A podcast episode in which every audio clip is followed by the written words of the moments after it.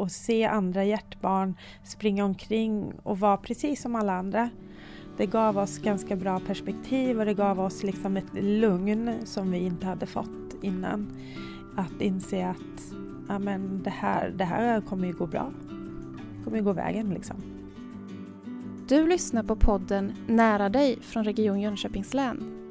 Patienter och anhöriga får här berätta och fördjupa sin historia. Vi som gör podden jobbar på kommunikationsavdelningen på Region Jönköpings län. I det här avsnittet ska du få träffa Maria Brännhult i Jönköping som har en dotter med hjärtfel. Maria berättar om den alldeles för tidiga förlossningen, den dramatiska starten och sitt engagemang för hjärtsjuka barn.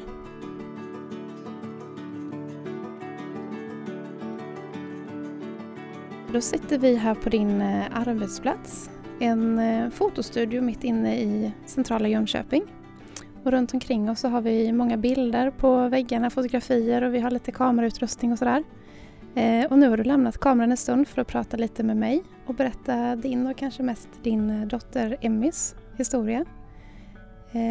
Din dotter, vad är hon just nu? Hon är i skolan just nu hos sina kompisar. Och hon går alltså i tvåan nu, stämmer det? Etta. Ettan går hon i. Ja. Mm. Eh, hur fungerar det med hennes hjärtfel i skolan? Ja men det fungerar bra gör det. Hon eh, hänger på och eh, ja, hänger på vännerna på rasterna och idrotten och så. Så hon känner liksom inga begränsningar i vad hon kan, vad hon kan göra och sådär i förhållande till sina kompisar? Inte vad vi har märkt hittills. Kan du berätta lite grann om hennes eh, hjärtfel? Vad är det för hjärtfel hon har? Hon har ett eh, hjärtfel som heter AV-block 3. Eh, man kan enkelt säga att det är ett signalfel i hjärtat. Hon har ett, en blockad mellan sinusknutan och AV-knutan där signalerna går i vanliga fall. Och signalerna säger till hur hjärtat ska slå så att kammare och förmak samarbetar tillsammans. Och eh, hennes hjärtfel gör att de får inga signaler så de ja, kan hoppa lite eh, och lite oregelbunden rytm och även lite lägre. Um, men hennes hjärta har varit så fiffigt att det har hittat en ersättningsrytm så hon mår ändå väldigt bra. Om vi ska ta det lite kort från början då. Men hur upptäckte ni att någonting var fel? Hur upptäckte ni hennes hjärtfel? Det var så att jag var på en eh, kontroll på mödravårdscentralen i vecka 29 Eh, och eh, barnmorskan kunde inte hitta hennes hjärt, eh, hjärtrytm. Och, eh, så hon kallade in en läkare som var där eh, för just denna dagen. Så det var ju tur i oturen höll jag på att säga. Ehm, så de lyssnade och kunde inte hitta, ja, det är för låga hjärtljud liksom. Så att eh, läkaren sa att du måste åka in till förlossningen nu på en gång. Eh, och min man eh, var på jobbet och min son han var hemma hos farmor i vår lägenhet. Eh, men barnmorskan hon eh, tog ledigt resten av dagen och följde med mig så hon skjutsade in mig till eh, förlossningen så jag slapp åka själv. Eh, och väl inne på förlossningen så eh, fick ändå eh, de tag i min man så han kom och eh, allt såg jättebra ut. Hjärtljuden ja, men de tyckte att de var stabila, lite lägre men stabila. Eh, och vi skulle få åka hem inom en timme och så vi satt där och skrattade och ja, vad dumt det blev idag. Liksom så. Sen eh, så ville de göra en eh, CTG-koll på, ja de satte det här CTG på min mage. För att mäta då hjärtljud och så? Eller för att... Precis. Eh, och då märker jag att det blev sån panik. Så äh, sköterskan hon bara sprang ut och in kommer läkarna och de bara sliter bort allt och äh, säger vi måste ta ut barnet nu på en gång. Äh, och du fick det beskedet direkt inne på rummet där, rakt upp och ner? Ja, så att eh, det fanns ingen chans och jag försökte säga, men kan ni inte kolla med ultraljudet igen för det såg ju så bra ut. De bara, vi hinner inte, du måste in nu. Så att eh, de sprang med mig in till eh, eh, förlossningen då, eller vi var ju på förlossningen men till rummet eh, för att göra akut kejsarsnitt. Vad hann du tänka då?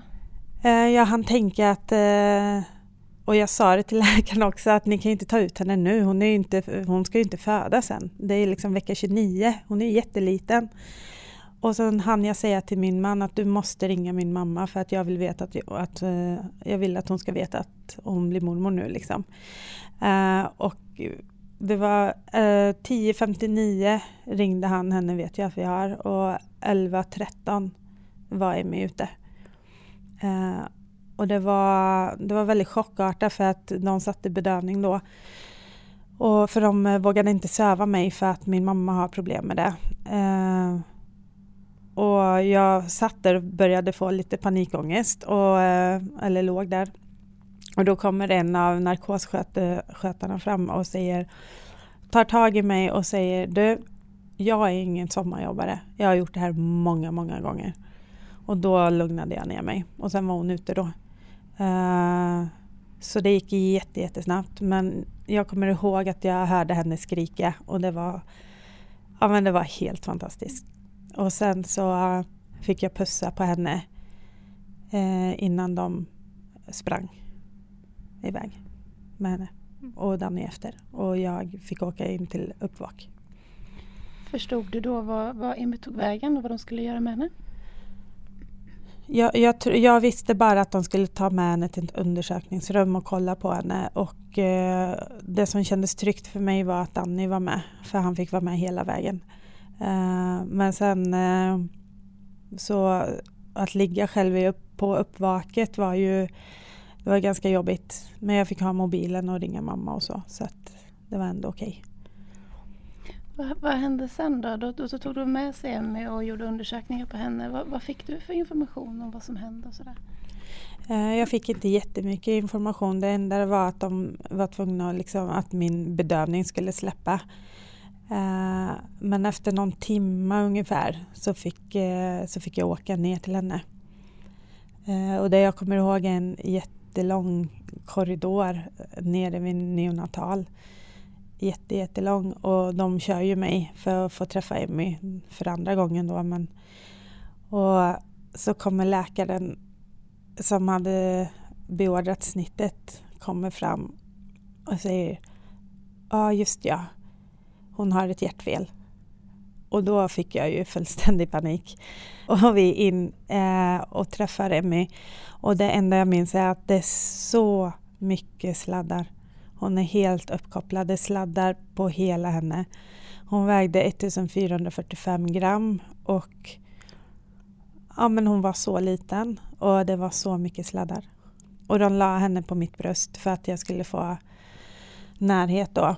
Eh, och det gick ju bara en kort stund såklart för sen började hon larma och så. Men eh, det var ju fantastiskt att få känna henne nära mig. Du sa att hon larmade. Vad var det, som gick, vad var det för larm som gick då?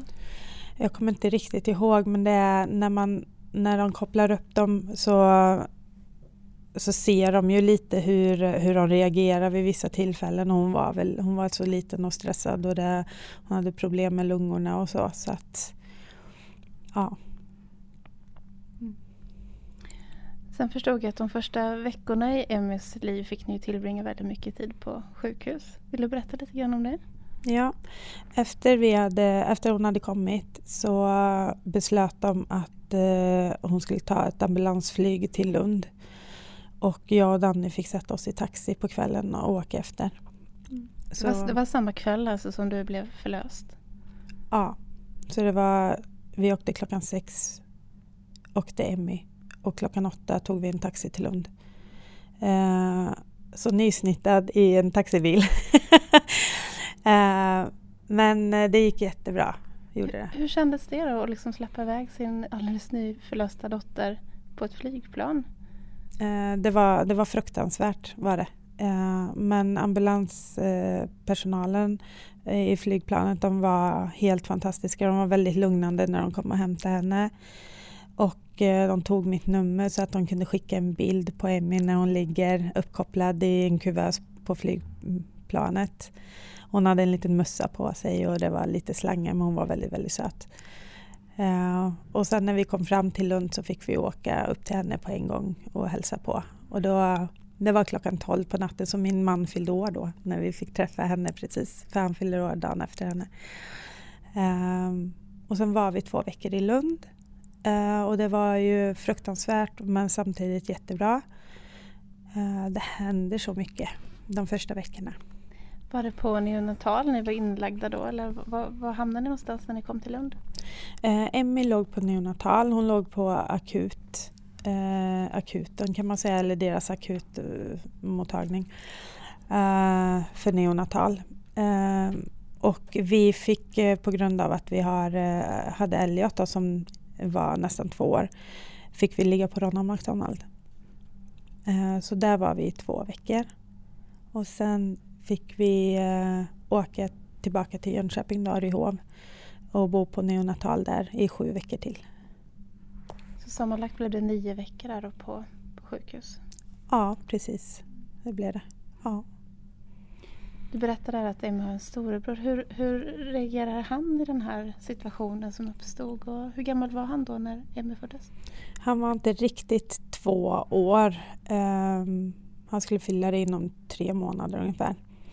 Han, han har inga minnen av det nu och han, han var men det var lite tvåårstrots och blandat med sjukhusvistelse. Fantastiskt. Eh, grejen var att jag fick, eftersom jag var snittad så fick inte jag lyfta honom eller bära honom på åtta veckor. Eh, och det var väldigt svårt för honom att ta in det och men vi hade otroligt bra hjälp av eh, Dannys föräldrar och mina föräldrar. Så de tog hand ganska mycket om eh, Elliot de första veckorna i alla fall. Så de, eh, Elliots farmor Lotta som vi säger, hon, hon bodde hos oss en vecka och tog hand om Elliot. På sjukhuset då? Ja, eh, när vi var i Lund. Um, så att det hjälpte jättemycket. Men det är nog den den, en av de jobbigaste känslorna när man hamnar på neonatal det är att om du har ett barn sedan innan så slits du väldigt, väldigt mycket mellan dina barn för att var jag hos Emmy så kunde jag inte vara hos Elliot. Var jag hos Elliot så kunde jag inte vara hos Emmy. Och inte kunna räcka till som mamma när man är också nyförlöst och alla hormoner och allt sånt. Det var väldigt, eh, det tog väldigt mycket på en som förälder.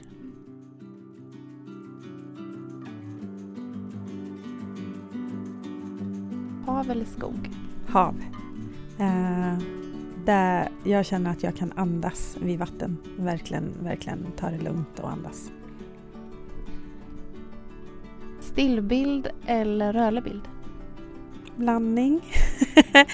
eh, jag älskar ju stillbild såklart. Eh, men jag har börjat lära mig lite rörlig bild och eh, det är också väldigt roligt. Men måste jag, måste jag välja så väljer jag stillbild. Studiobild eller dokumentärbild? Studio, helt klart. jag älskar dokumentärer också, äh, dokumentärt också men äh, jag vet inte, jag kan få det lite mer som jag verkligen vill ha det i studio. Om du får välja bok eller tv-serie? Tv-serie. Jag är en jättenörd inom detta. älskar tv-serier. Har du några exempel? Uh, The Handmaid's Tale och uh, Big Little Lies. Uh, jätte, jättebra. Sen finns det jättemycket fler, men de två är nog favoriterna just nu.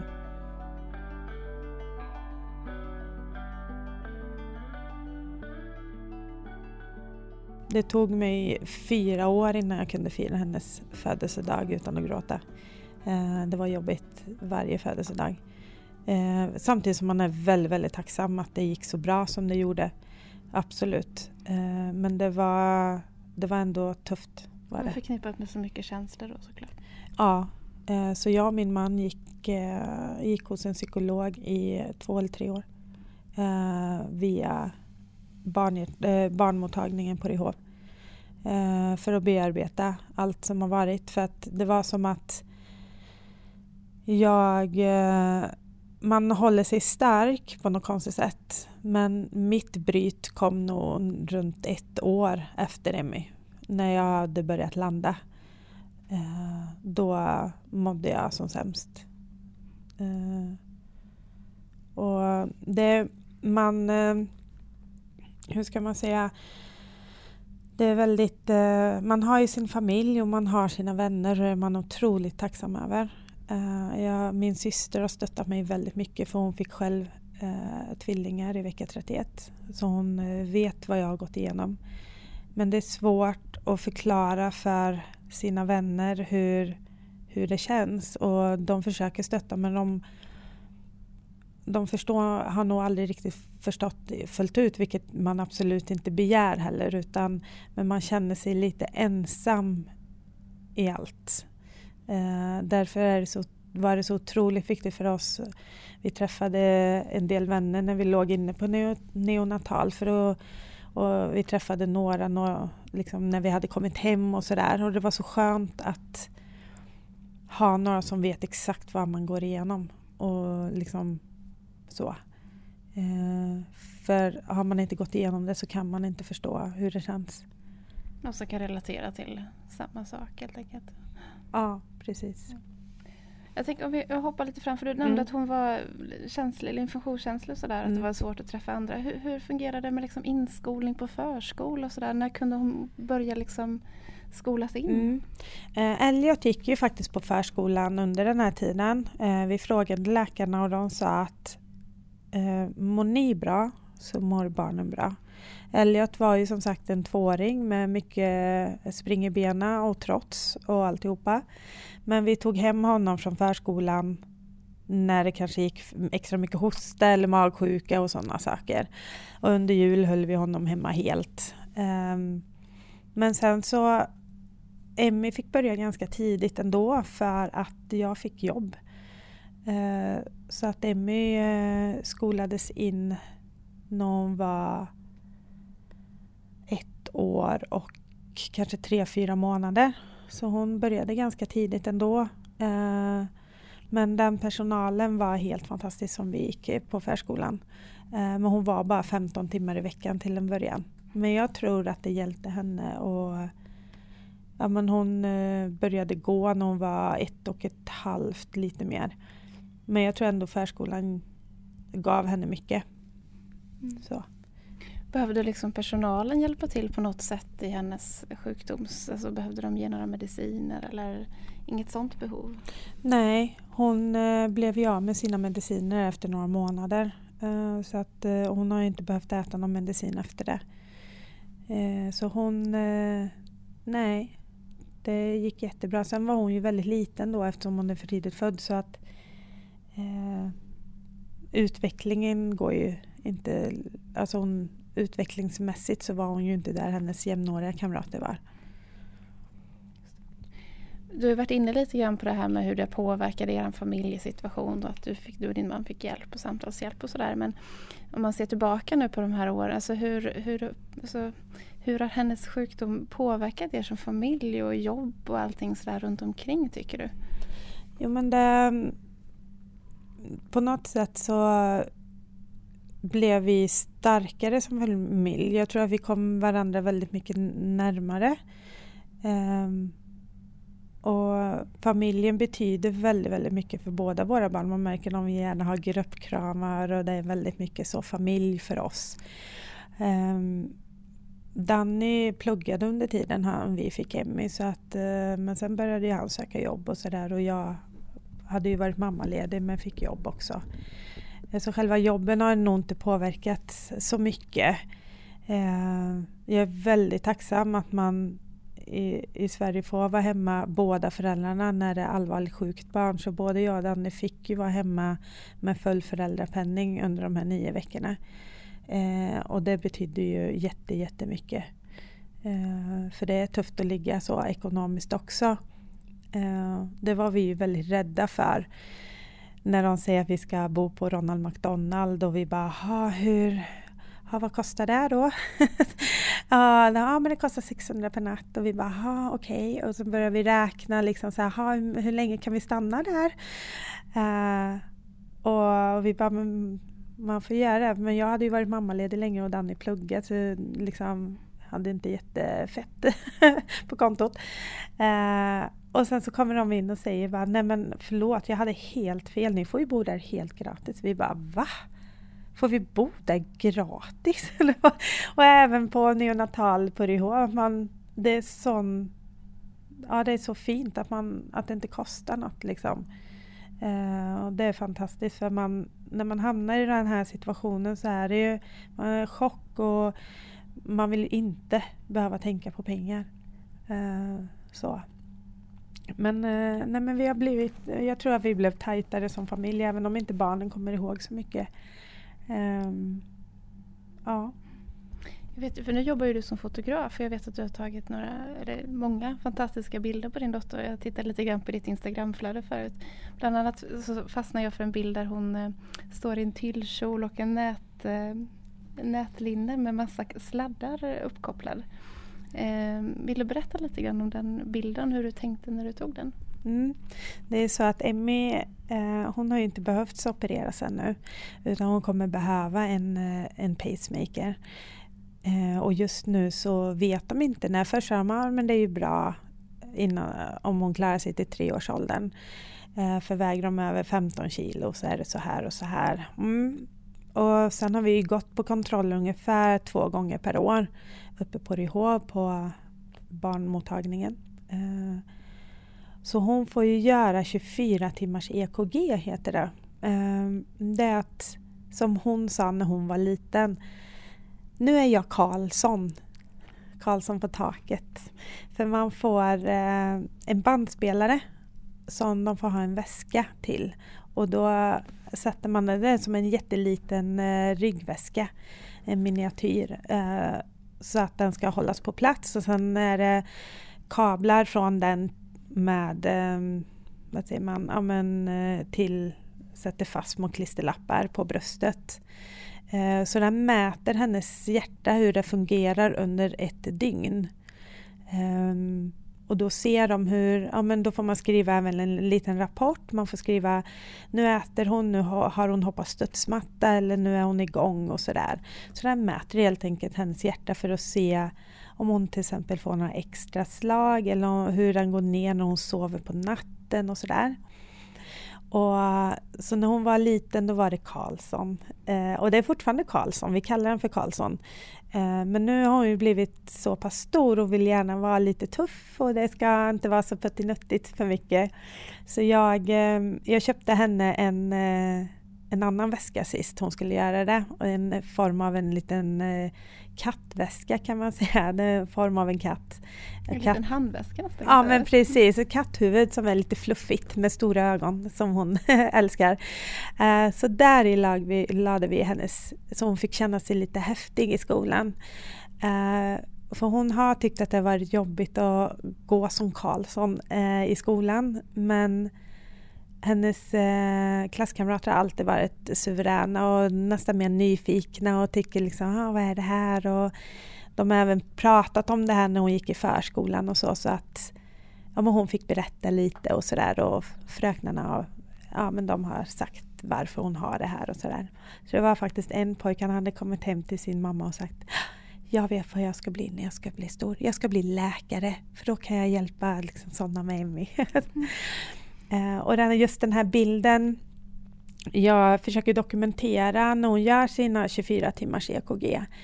Eh, för, för min skull, men för hennes skull och även för andra barn.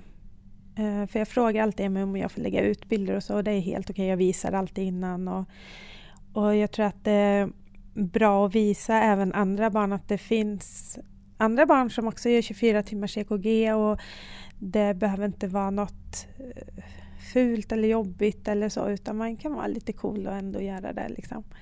Eh, så jag ställde upp henne hemma och hon älskar ju tyllkjolar. Eh, nu har hon gått lite mer åt jeans men ändå. och sen är det som en nätbringa kan man säga och innanför den så ligger alla sladdar och sen går den ju då till den här dosan och den här gången hade vi satt den liksom snett över hennes axel då. Uh, ja. Hur ofta behöver hon göra de här EKG-testerna nu? Uh, just nu så har det sett så bra ut så vi har reducerat två gånger per år till en gång per år. Uh, så det är jättebra. ju mindre sjukhusbesök desto bättre. och sen i höst nu så kommer hon antagligen få göra ett arbets-EKG heter det. Då får man sitta på en cykel och trampa fort och eh, med tyngd tror jag det oftast är. För att se hur hjärtat fungerar när det får ansträngas. Hon är en av de få som har klarat sig så här länge med ett AV-block 3 och utan behöva operera in en pacemaker. Eh, jag har ju kontakt med andra föräldrar. Vi har en grupp på Facebook till exempel för barn med AV-block. Och eh, ja, men hon är en av dem som inte behövt operera sig ännu. Eh, och det är inte jättevanligt. De säger just nu så tror de runt 10 år. Om två år alltså. Men det vet vi inte. Det beror, det är som läkarna säger, det beror lite på vilken livsstil hon väljer. Väljer hon att sjunga i kör, ja då är det inte så ansträngande. Väljer hon att kanske idrotta mycket, ja då kommer det påverkas snabbare. Um, och senast nu så uh, sa de att det är väl egentligen hennes hjärta kommer inte bli mycket sämre utan vi kommer märka på hennes ork att det är den som kommer bli sämre. Pratar ni någonting om det hemma sådär att en dag kommer hon behöva göra den här operationen? Har du några egna tankar kring det? Ja, vi, vi har pratat om det. Eh, och det är svårt att förklara för en åttaåring hur vad en pacemaker är men vi har försökt förklara att det är en liten dosa som man sätter in och den kommer göra att ditt hjärta slår som alla andras och sådär. Um, och hon nämner det ibland och då pratar vi om det och så. Hon påminns ju också varje gång vi gör Karlsson då som vi säger. Eller att vi åker in och gör ultraljud och så. Uh, men de är så otroligt duktiga på Rehov. Uh, och hon tycker ju att det är lite roligt att berätta för sina vänner att hon ja, får eh, de titta på hennes hjärta och hon får ligga och titta på, på film och äta tablettask. Det tycker hon ju, ja, hon garvar åt det mycket och hon har sett Tom och Jerry där och sådär. Hon känner sig lite speciell där. Ja. Så hon, eh, hon tycker det samtidigt är nog lite spännande och lite sådär. Och, men hon har haft sina funderingar varför inte alla har hjärtfel. Eller varför hennes kusin som är hennes största förebild, varför hon inte har hjärtfel. Eh, hon tycker det är lite konstigt. Men vi har ju varit med i Hjärtebarnsfonden i väldigt många år. Och eh, därigenom får hon ju träffa sina hjärtekompisar som vi säger. Eh, då vet hon lite att ja, just det, de har hjärtfel men mina andra kompisar har inte hjärtfel. Och så vidare. Jag vet ju att du har ett stort engagemang i just Hjärtebarnsfonden och att du är ordförande där, stämmer det? Ja, jag är ordförande i Hjärtebarnsfonden Jönköping. Mm. Eh, sen, ja, vad blir det nu, fem, sex år tillbaka. Hur kommer det sig att du engagerar dig där? När vi, när vi låg på sjukhuset i, i Lund så gjorde vi som man inte ska göra. Vi googlade.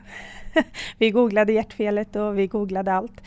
Uh, och då kom vi in på en sida om Hjärtebarnsfonden som då hette Hjärtebarnsföreningen. Och uh, när hon var ett år så var vi på vår första träff. Uh, och där träffade jag en, en kvinna som heter Linda.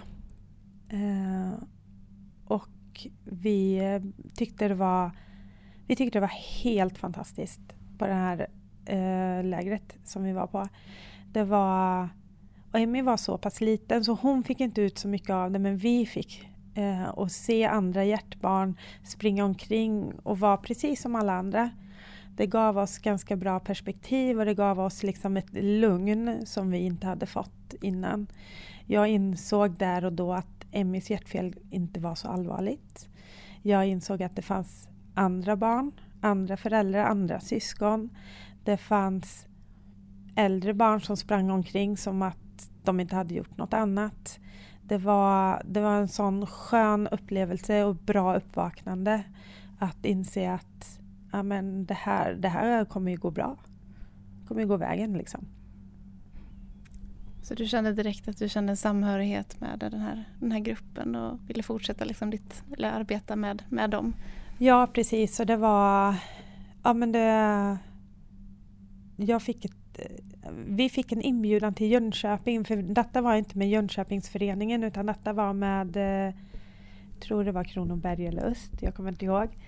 Eh, och fick ett meddelande när vi hade gått med då att vi var bjudna till årsmöte och att de skulle lägga ner Jönköpingsföreningen. Eh, och då tänkte jag nej, det, det får de inte göra. Vi hade haft en så bra upplevelse och ja, det kändes så bra så då tog jag och en tjej som heter Anja, vi tog över föreningen. Eh, och jag kunde ingenting om styrelsearbete eller liksom föreningar eller någonting men tänkte det får ju bara lösa sig för att föreningen kan ju inte få läggas ner. Det går ju inte för då har vi inget här omkring. Eh, och sen dess har vi suttit i styrelsen och man har lärt sig på vägen. Mm. Om vi hoppar fram till idag, hur, hur ser det ut för Emmy idag? Vad, vad behöver hon göra för kontroller och mer än det här 24 timmars EKG? Är det, är det täta läkarbesök eller? Eh, nu är det ju en gång per år och då är det ju eh, en dag med 24 timmars EKG och sen är det en annan träff då där vi får komma in och eh, de gör ultraljud på hjärtat och mäter och tar vikt och längd och allt så. Så det är ungefär den, det är bara en gång per år numera. Eh, sen har vi alltid, jag, hur ska man säga, jag har alltid koll på henne på ett annat sätt än vad man har med sitt andra barn. Eh, märker ju när hon är andfådd och slår i hennes hjärta så, så, så fort. Eh, hon blir andfådd av att springa upp i trappor och måste hämta andan och så. Eh, sen har hon haft några rusningar några gånger men det har blivit väldigt mycket bättre. Men då har hon fått sådana rusningar att hjärtat slår jätte, jätte, jättefort och sen kräks hon till slut för att det blir sån överbelastning. Eh, men medan jag tycker då, oj vad häftigt att hennes hjärta faktiskt kan slå så fort. Jättehemskt men sant. Uh, så hon mår, hon mår bra idag. Hon tränar friidrott. Hon uh, målar. hon är med på idrotten som alla andra barn. Eh, hon har kört trav väldigt länge men nu hoppade hon av det precis för hon vill hellre sitta på hästen som hon säger. Alltså trav som i travsport? Tra alltså. Ja, travskola Jaha, i Vaggeryd. Ja. Uh, nej, så hon, uh, hon är en pigg och glad tjej. Mm. Uh, väldigt mycket humor. Och, ja till sist då, om du skulle vilja liksom skicka med någonting till, jag tänker till föräldrar eller personer som är i liknande situation, det som ni har gått igenom, vad skulle du vilja skicka med dem då? Eh, framförallt eh, om de är som jag, ta hjälp av samtal. Eh, det hjälpte oss jätte, jättemycket eh, för att kunna bearbeta det. För eh, ibland klarar man inte av det själv. Liksom. Eh, även om man har två som går igenom någonting så har inte jag samma syn som min man. Alltså vi är ju två helt olika personer. Ehm, men framförallt eh, försök att hitta forum där du kan prata med likasinnande. Eh, för vår del så har Hjärtebarnsfonden hjälpt oss jättemycket. Ehm, och vi har fått väldigt nära vänner därigenom. Och det är som vi säger att tänk tänk om våra barn inte hade fått hjärtfel. Då, då hade vi aldrig träffats. Så det, även om det låter hemskt så finns det väl en mening med det också. Eh, men framförallt att försöka att träffa likasinnande för man kan känna sig väldigt, väldigt ensam. Eh, men det är man inte. Bara om man vågar öppna upp så är det fler som har varit med om liknande saker.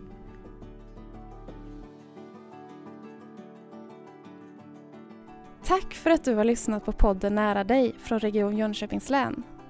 Jag som intervjuade heter Anna Lindman och det är Alexandra Svedberg som har producerat. Har du synpunkter eller tips? Hör av dig till oss på mejladressen kommunikation.rjl.se